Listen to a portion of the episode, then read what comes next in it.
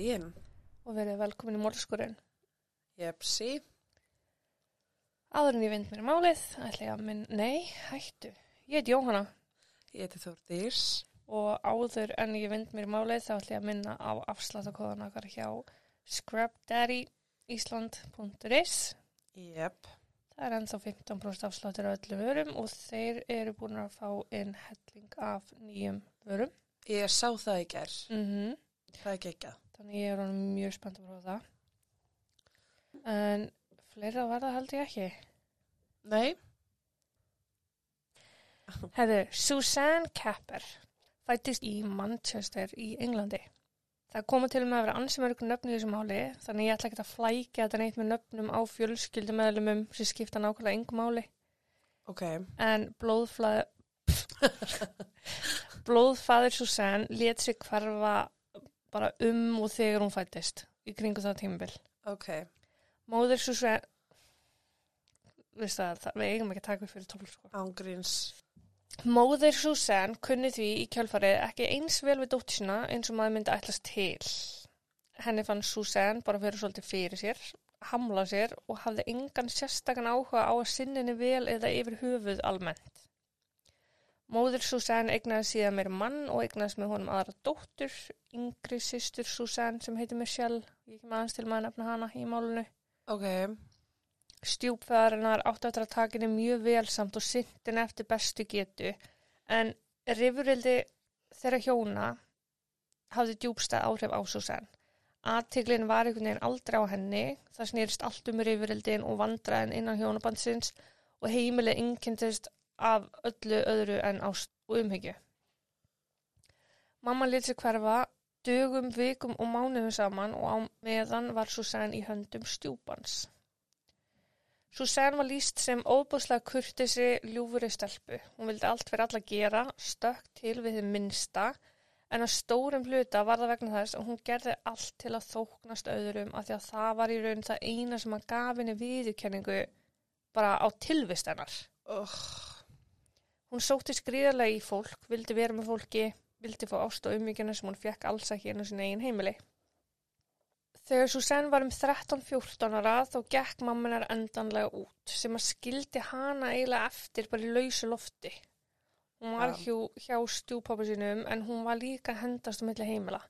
Spartnavendanemnd tók við henn á einhverjum tímapunkti eða félagsmálastofnun með þess að þetta var ekki eins og spartnavendanemnd og þá kom bara eiginlega ennþá meira flakk og hún fær aldrei neina svona festu í lífinu. Þannig að hún leitast eftir þessari festu eins mikið hún getur. Já. Það fyrir svo leis að hún flytur inn á konu þegar hún er 16 ára eða 1992. Konu sem hún þekkti þegar hún var barn og hún fer að passa börnin hennar. Konan var Jean Powell, 26 ára gömul, þryggja barnamóðir og bjó á Langworthy Road í útkvörfum Manchesters. Jean var fjarið því að vera fyrirmynda kona og engin fyrirmynd fyrir Susanne sem að sótist samt fast í að fá ost, ást og mikið hjá Jean. Fá Ost. Ógríns. Fyrir tól og það gengur ekki, ég er að segja það. Heimili Jean var svona yfirleitt dópsölustæður. Stólið góðs var geimt heima hjá henni og ansi svæsin partí voru haldið að reglulega. Þannig inn á heimilinu voru yfirleitt svona frekar vafasamir einstaklingar öllum stundum. Ok. Jean passaði börnin og fljótlega var hún farin að passa önnu börn. En Jean átti heima í rathúsalengju og bara nokkrum hurðum neðar í lengjunu bjó kona að nafni Bernadette. Bernadette var 23 ára og hún átti líka þrjú börn. Hún sá aldeilis tækifæri í þessari stelpu sem að bjó inn á Jean. Jean var nefnilega bara að borga Susanne 5 pund á viku fyrir að passa börni sín og það var nú tölvört ódýrara en barnagesla. Svo Bernadette enda bara hreinlega á því að flytja inn á Jean með krakkaskaran sinn og Susanne var gert að sinna þessum sex börnum fyrir 5 pund á viku. Susanne var því hætt að mæti skóla, hætt að sinna vinum og vandamennum og lagði sig alla í að sinna þessum krökkum vel til að fá viðurkenninguna sem hún þráði svo heitt. Sistir Susanne var mikið á flakki á þessum tíma líka en það alin upp í sömu óreiðu og sistir sín. Hún flytið því inn til Jean líka um tíma en er ekki búin að stoppa mjög lengi þegar hann hættir alveg að lítast leikuna. En inn á heimilinu var sem fyrir sagði dópnisla, sala, innbrotstjóar og alls konar fólk og þar og meðal voru eftirfarandi aðilar og takti nú eftir Ok. Glyn Powell, Já. 29 ára, fyrirverandi eiginmaður Jean. Ok. En þau voru svona ennþá að sofa saman, reglulega. Ok. Uh, Þú en skilin en skilin samt saman eitthvað. Anthony var líka mikið á heimilinu en hann var kærasti Bernadette en Anthony er 17 ára og hann var að sofa hjá Jean þegar hann hafði tækið verið til. Byrju fyrir ekki, hvað var tín gömul? Jean er 26, Bernadette er 23. Ok. Svo var það Jeffrey, hann er 27 ára og hann er kærasti Jean. Ok. Og svo síðasti var bróðir Jean, hann heitir Clifford og hann er 18 ára. Þannig að þetta eru sex einstaklingar í heildina. Og til að taka þetta saman, Jean býr upprunalega inn í húsinu. Já. Hún og fyrirvændi eigimannin Glyn, kærastan Jeffrey og hjásvæfina Anthony, pluss þannig Clifford sem er bróður hennar. Bernadette, hún og kærastan Anthony. Ok. En þau eru samt einhvern veginn öll að í öllum bara á, þú veist, það er bara eitthvað kommunupartí. Það er bara eitthvað svona, þú veist, kynnsvall þarna á millæðra reglulega. Ok. Þetta er allt saman fólk sem er með rosalega langar sakaskrár, sumir fyrir ofbeldi, aðri fyrir fíknefni. Jean og Bernadette voru þekktar í gödunni sinni fyrir að haga sér gjörsamlega eins og bafianar, en í eitt skiptið þá kvartaði þeirra undan látum og Bernadette kveikti í þvottinum hjá viðkomandi til að hefna sín. Já, ok. Og það var sko að því henni tókst ekki að kveiki húsinu. Ok. Ok. Þannig að sýsti Susanne, Michelle, hún sá bara ekki hvað það var sem var að hylla Susanne svona svakalega til að fá hana til að búa þarna fyrir 5 pund á viku. Nei. Susanne var svo síðan með byrðin um að vinna, þannig að hún fór að taka þessi svona þrif, Já. Þrifa, já, hvað heitir þetta? Hún var að starfa svona ræstitæknir og var að þrýfa hinn og þessar stoflanir. En það var ekki til þess að hún sjálf geti eignast pening, heldur til að láta Jean og Bernadette fá allan peningin. Já, ok. Susanne hjælt bara áfram að fá sín 5 pund á viku. Hún var ekki að sjá að þetta lið var vondu sig, að þetta var ofbeldi. Eina sem að Susanne sá voru vinir. Vinir sem að síndi henni áhuga, ást og umhyggju. Þannig að hún passaði, hún eldaði, hún gerði allt sem henni var sagt að gera. Og svona gekk þetta bara. Þú veist, það hefur nú eitthvað tölverð meira gengið á inn á heimilinu sem að Susanne sagði engum frá að því að það var svo um haustið þetta ár, 92, sem að Susanne mætir heim til móðusnar sem nú bjó með einhverjum kærasta. Já. Susanne bankar upp á og mamman er kemur til dýra og hún sér að dótti sín er öll marinn, bara frá toppi til táar. Og Susanne segir henni hvernig sé að hún sé búin að búa inn á Jean en að Jean sé ekki búin að vera allt og góð við sig en hún er bara eitthvað en ég á þetta skilið, þú veist, hún myndi ekkit vera meiða minnum að því hún elskar mig. Oh. Hún vill mig bara alltaf besta. Það var það þannig að yfir nokkur vikna skeið þá höfðu Jean og Bernadette ekki bara notfært sér Susanne sem dæðgæslu fyrir krakkarnir sinna. Þær voru búin að vera að beita hana miklu ofbeldi bæði líkamlu og andlu. Susanne var ásökuð um að stela hlutum þegar einhvað kvarfinu heimilinu, ef þá heimilum á kalla, þetta var vist bara eitthvað svínastíja sko. Já. Og með alla glæpamenn mannsins er verandi fastagestur inn á heimilinu ofan í alla dóp og þýfir söluna og að Það voru náttúrulega allar í öllum. Já.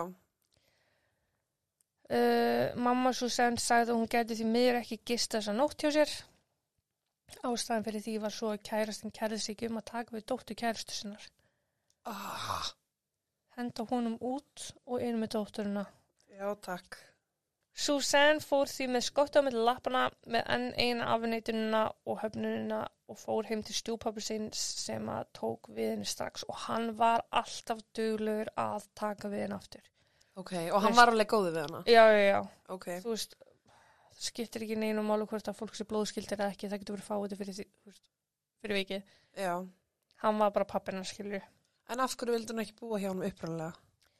Hún bara fjekk ekkert, þú veist, heldur þá ástum ekki sem hún vildi kannski þarna. Nei. Henni fannst hún fá meiri viðkynningu inn á heimili Jean að einhverjum stórfurðulegum ástæðum. Ok. Hann vissi, þú veist, hann vissi alveg hvað svo sem gekk inn á heimil Jean, þú veist, það væri ekkert gott Já.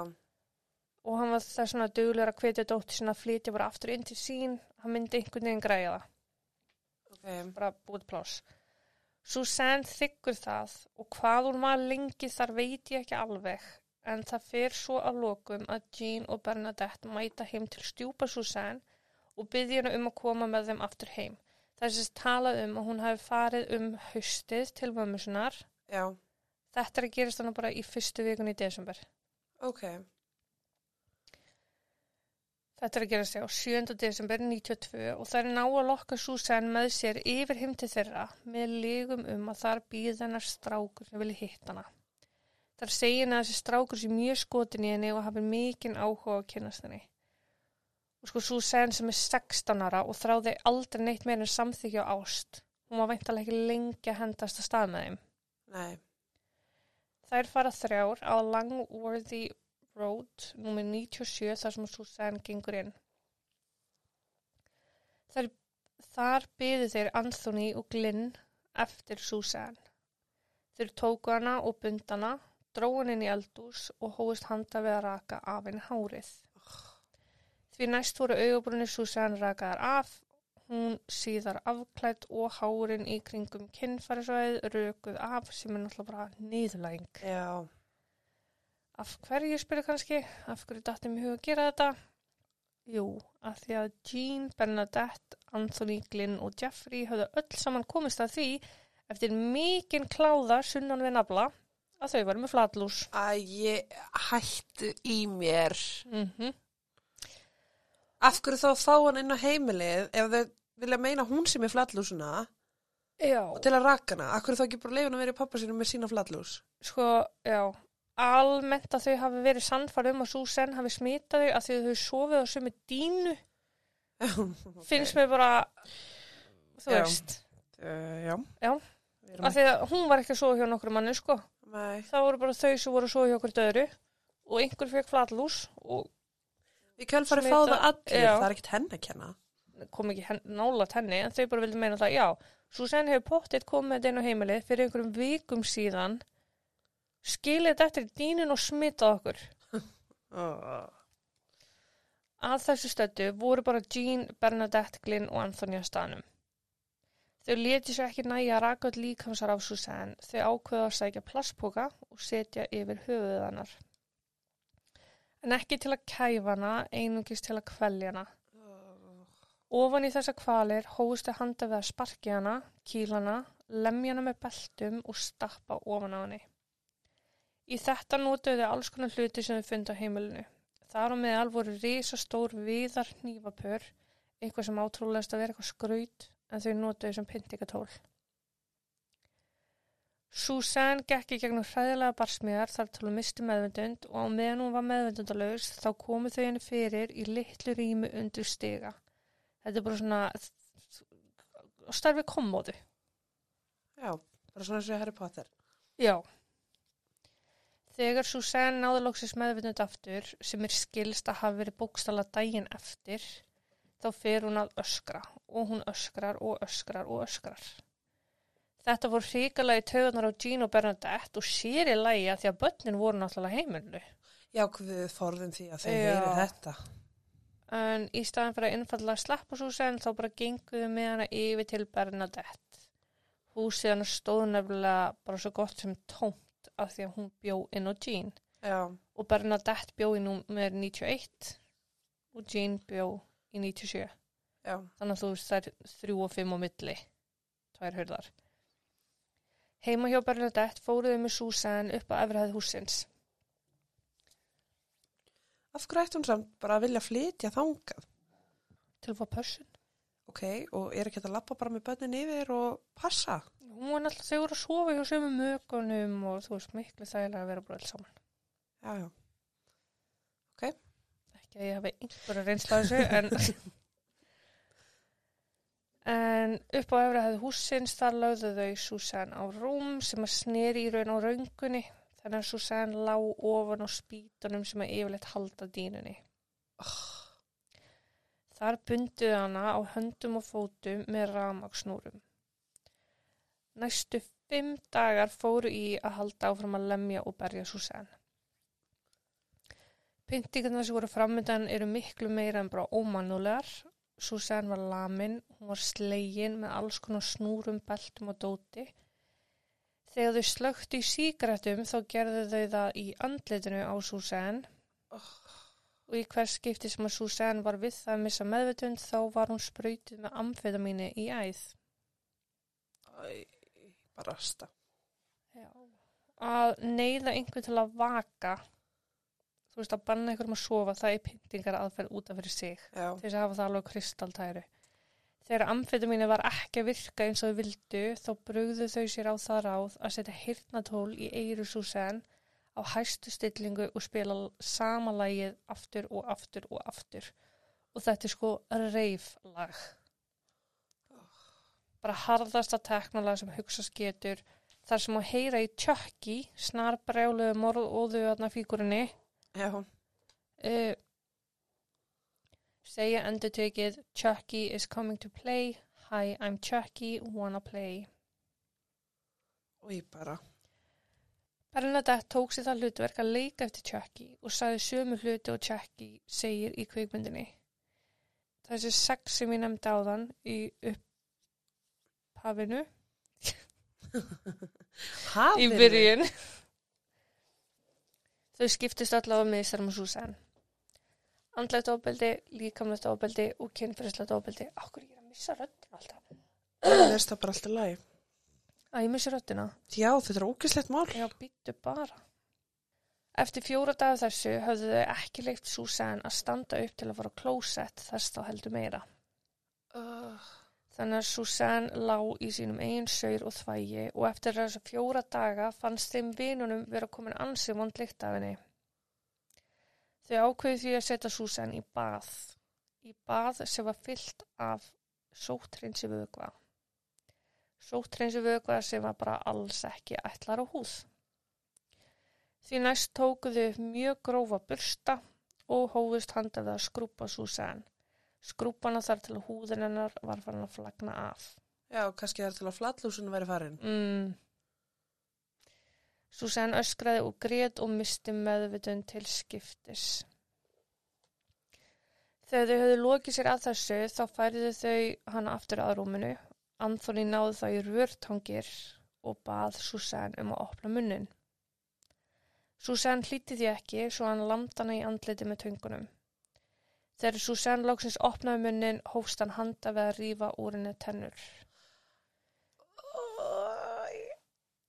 Fyrsta tönnin sem hann reyndi við klopnaði tvent alla leið upp í góm sem að er bara taugin er bara halló, kontu að áreita mig, skilju. Já, Hann hjælt áfram og tókst að ná heilum tönnum úr munni Susanne einn af einni. Svona hjælt þetta áfram í einn heilan dagi viðbútt. Á milli þess sem þau skiptust á að pynta og miðstrum Susanne þá skiptust þau á á að vaktana. Og þann 13. desember voru Jeffrey og Anthony að fylgjast með henni. Þannan dag kemur þeirra vinur David Hill sem hafði ekki haft neitt með þetta að gera fram að þessu. ok. David tekur strax eftir óhljóðum á efrihæðinni og spyr þá Anthony og Jeffrey hvað sé eiginlega í gangi og þeir segja nú frá því stoltir og ánæði með sig með ynga skömm. Svo litla skömm er að segja að þeir bjóðast þess að sínunum Susanne sem þeir gera. Uh, please, segð mér að David sé góðu gæi. Mm, ég vil óska það sko. Oh, Fljótlega eftir það segja þeir við viðnin, eða við David, herru, við þurfum að skreppa, ertu til að býða hérna og fylgjast aðeins með henni fyrir okkur? David samþykir það og býður með Susan og menn strákunni skreppa eitthvað. Hann hefur auðvitað bara verið skítrættu við þetta lið.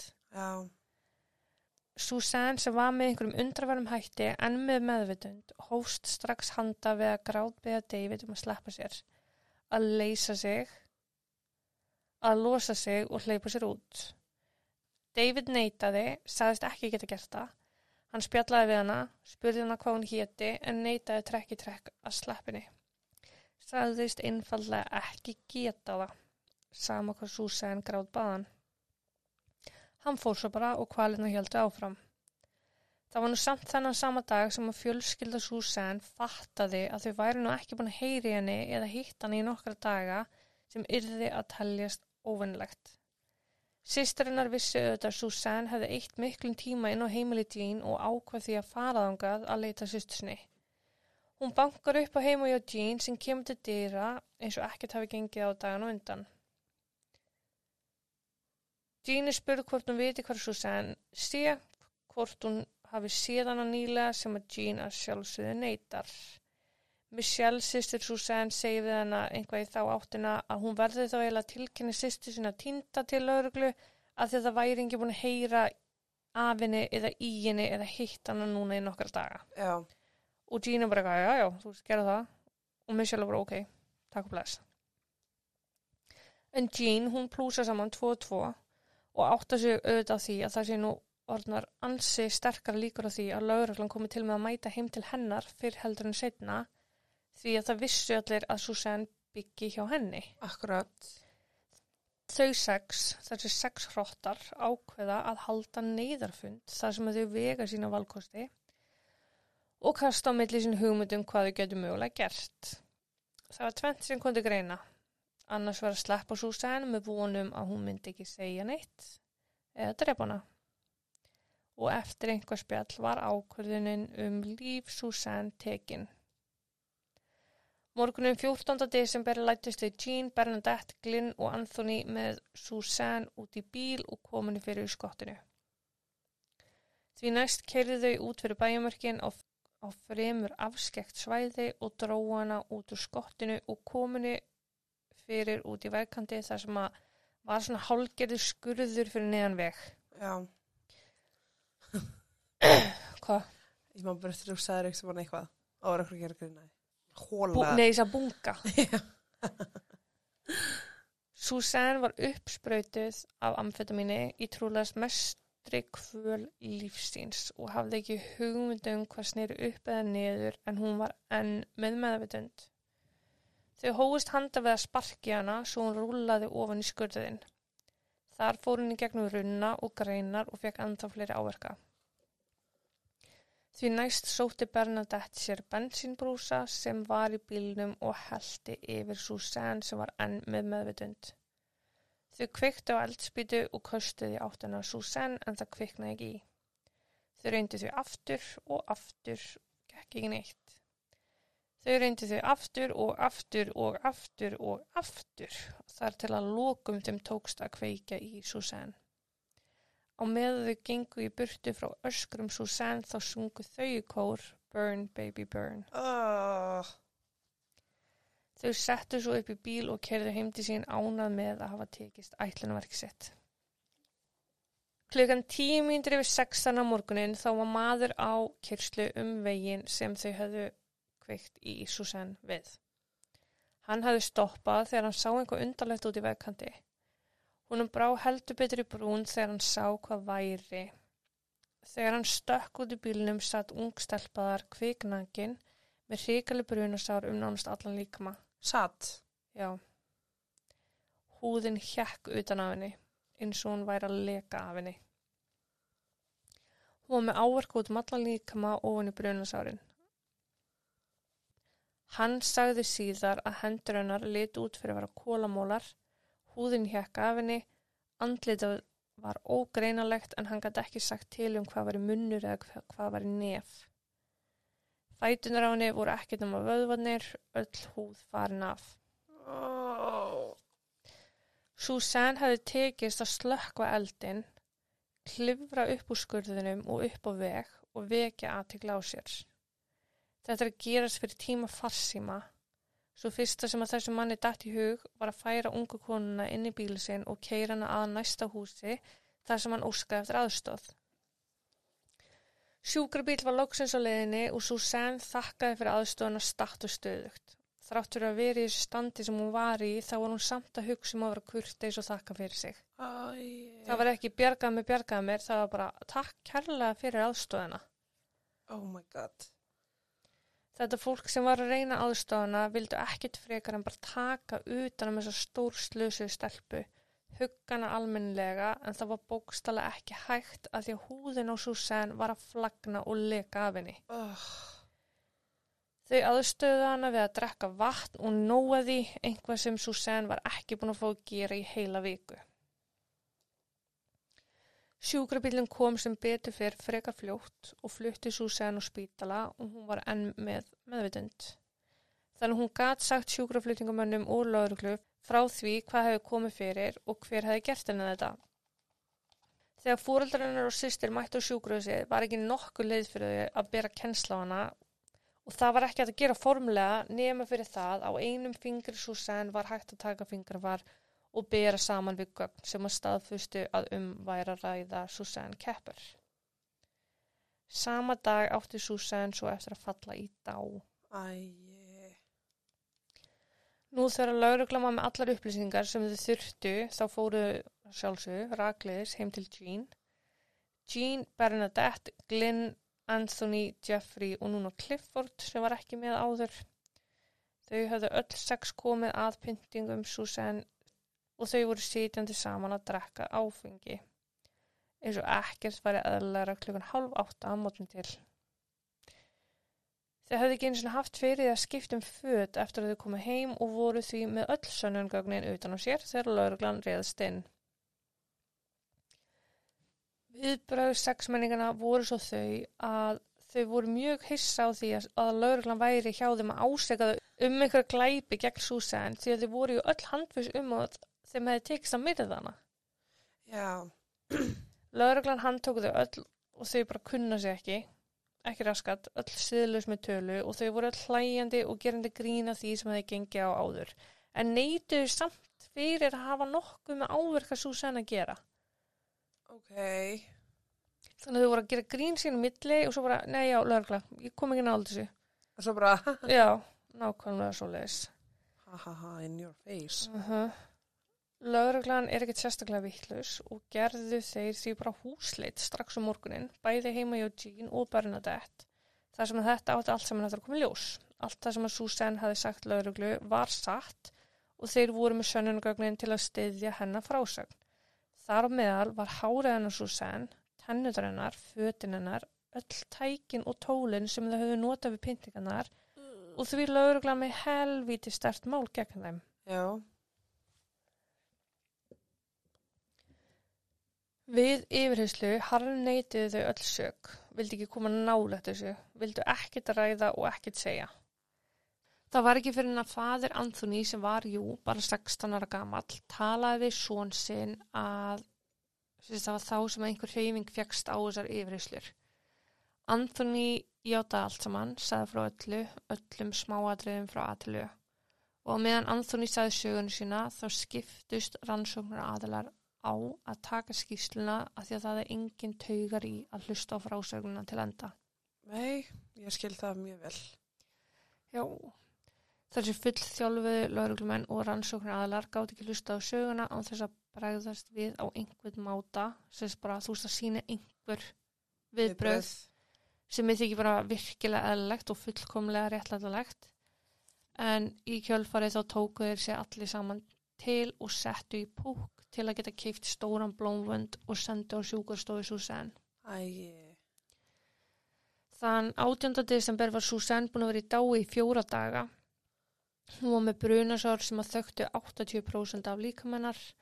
Hún hlaut bestu læknus aðstóð sem völ var á en samblandan af áverkunum, vökvaskortunum og næringaskortunum. Það var hann að berjast ekki bara við það, heldur líka við fjöl lífarabilun. já, Og það var því miður þar sem að dró Susanne til dauða en hún lést setnipartin þann 18. desember. Krupningalæknir hafði sjaldan séð eins aðra, aðra eins áverka og það var ekki neitt vafi um að þetta myndi skrifast á morð þó hún hafi látist fjórum dögum eftir að hún fannst. já, akkurat.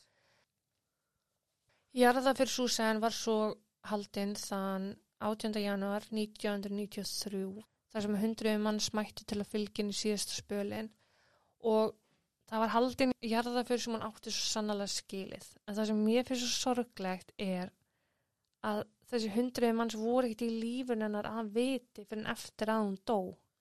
Já, þú veist, þegar henni vantaði það mest Uh -huh. og þetta er alltaf svona einhvern veginn það mæti allir í hjartafurina en það er engin viðstæður í lífinu Já.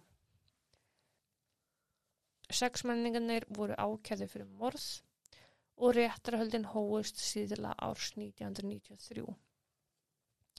Á þessu tæpa ári sem hefði liðið þá höfðu þau að sjálfsögðu öll snúið baki í hvort annað, þessi benda þennan og hann benda á hinn og svo framvegis. Mm. En staðrindir málsins voru bara svo kristaltærar. Meira þess að fórnalambi hefði getað skefið skýslu um hver bókstala myrti sig. Já. Upphaflega voru þau öll ákæru fyrir morð, mannrán, stórfælda líkamsárás pluss samsæris ákærur. Pældi að tala með enga tennur. Mm -hmm. Já. Ríkalegt sko. Já. En þegar það leið á réttaröldin þá þótti ljóst að Clifford, sem litli bróði Jean, hann hafi ekki átt einn stóran þátt í þessu öllu saman og eiginlega bara engan í samanbörði við hérna og var því tekin ákvörðin um að hann yrði ákærur bara fyrir mannaránið og stórfælda líkamsárás. Ok. Eftir 22 daga réttarhöld hófst kviðdómur handa við að fara við gögn málsins og tóku þeir sér tæpa tíu tíma til að taka ákvörðun. Ákvörðun sem ætti ekki að koma nokkru manna óvart en þau voru öll nema Clifford dæmt sig í öllum ákvörðum. Jean, Bernadette og Glynn fengu öll lífstæðadóm 25 ár að lámarki. Anthony var gert að sitja að lámarki 18 ár, Clifford fekk 15 ár og Jeffrey fekk 12 ár. Það voru áfríðanir sem fylgdu í kjálfarið og það endaði svo leiðis að dómur Jeffrey var lækkaður niður í 9 ár. Hann satt af sér 6 ár og sleppt úr fangilsi 98. Ugh. Clifford losnaði árið 2001, húst hann satt lengur inn og hann var ekki svona ákveður fyrir morð sko. Já. Dómur Anthony var lækkaður úr 18 árum í 6 árum og hann er ennþá í fangilsi í dag og það sama gildur um Glynn, hann situr ennþá í fangilsi. Það er það þannig það er bara endur metið eftir þennan tíma. Já. Ertu múin að standa þig vel eða ertu ekki múin að standa þig vel? Uh, Bernadette, hún er nú aldeilis laus úr fangilsi. Svo sem að hagaði sér vest í þessu eila. Svo sem að var að leika sér að vera Chucky og Já. og komu sér öllu í gang. Hún er búin að laus úr fangilsi síðan 2014. Eftir 22 ári fangilsi eh, losnaði hann út vegna þess að hegðun hennar var búin að vera til fyrirmyndar. En Bernadette, hún var samt búin að vera að sofa í á fangaverði og vingast við alla remdustu hvern. Það er Rose West og Myra Hindley. Eftir að Bernadette losnaði þá hefur hún haldið áfram að vingast bara við allræmda glæpamenn í Breitlandi og það er bara látið liggja á milli hluta. Hún var nefnilega svo stilt í fangelsi. Já. Mann sætti málinu þar sem að það var mamma í Breitlandi sem að tilkynnti bara sér tínt. Svo fannst hún undir rúmi heima hjá okkur fjölskyldu minn. Þá höfðu þau bara látið hann að líti út fyrir að hafa verið rænt til að fá aðtíklu og peninga. Og hún var á lífi. Hún var lífið allan tíman sko. Nei. Nei, ok, allan að, þú veist, það er vinkuna Bernadette. Já, ok. Svona illa innrætt fólk. Já, flott. Umræðan sem að hefur fyllt þessu öllu saman er eins og við má búast. Hvar var barnavendanemnd þegar Susanne þurfti á hann halda? Því hún var bara 16 ára. Já. Hún er bara barn. Kennararnar hennar vissu að hún væri ekki að mæti skólan og kennararnar töluðu um að hún væri skýtu og hennar væri ekki sint og hún væri að sína af sér svona meiri svona kvatvísis hægðun en hún var búin að sérst, en hún hafi gert áður. Ég líka bara, er ekki skólaskylda? Uh, alltaf sé ekki 16 sem hún er hætta. Þú mátt drop out úr school. Já, jú, getur verið, sko. Já, en fólk vissi líka heimilisaðstæðanum, fólk vissi að aðstæðanum heima hjá Jean og við hvað Susanne bjóð síðustu viku lífsins og hvað varðar þessa síðustu viku þá er fólk náttúrulega mjög reykt yfir því að það eru tvær götur í kringum Langworthy Road 91 og 97 sem hefðu vel átt að heyra í öskrum Susanne og þjáningu. Akkurat, ég var að fara að segja þetta. Mm Fyrir utan það að þetta gerist í rísastóri rathúsalengi. Já. En það eru hús fyrir aftan hús Jean og Bernadette sem að sáu beinlins inn í húsnaði þeirra. Ok. Og það var líka bara að vita að það var í fíknefnarsala inn á heimili Jean en samt skipti sér engin að. Og hvar voru börnin á meðan þú veist á þessu öllu stóð? Voru ekki að skipta sér parta? Það var bara heimi á Barnadett ha, þau voru alltaf að skipta sér milli. Tveir gæðinir voru að passa þær voru að passa. Já, jú, jú, já. En eins og fyrsti dagurinn þá eru þau inn á heimili Jean þar sem börnin búa. Já, Já. Uh, þetta mál hefur ekki fengið neitt sérstaklega mikla umfjöllun af því að málið hans James Bulger, Bulger gerðist bara tveimur mánuðum eftir oh, þetta mál. Þannig að þetta týndist svolítið í umfjöllunni já, á því alls saman. Um, og kannski þess vegna sem að fólk er ekkert að tala um hvað það er asnalegt að þau séu öll laus og það sé bara lægi. Það er bara allar að tala um hvað eru brjálaðir að strákunni sem að drápi James hafi fengið ný identity, já, auðkenni. Það er enginn að tala um þetta að þau séu laus eftir að hafa sko pinta koni í sjö daga. akkurat oh, En máli er búið sko, þú veist, það er voðalega lítið við þetta að bæta. Þetta er ríkalegt, já, ríkalegt. ég er bara miður mín sko Mm. Það er búið líka þessu máli við hérna Jungomúlið 1 málið Já. 1 uh, Silvíu Lækens já, Líka. það er líka. Þetta er alveg hillilegt mál sko. En já, ég hef svo sem ekkert meira við þetta bæta. Nei, ég bara, ég er óðurlega já, ég hef ekkert.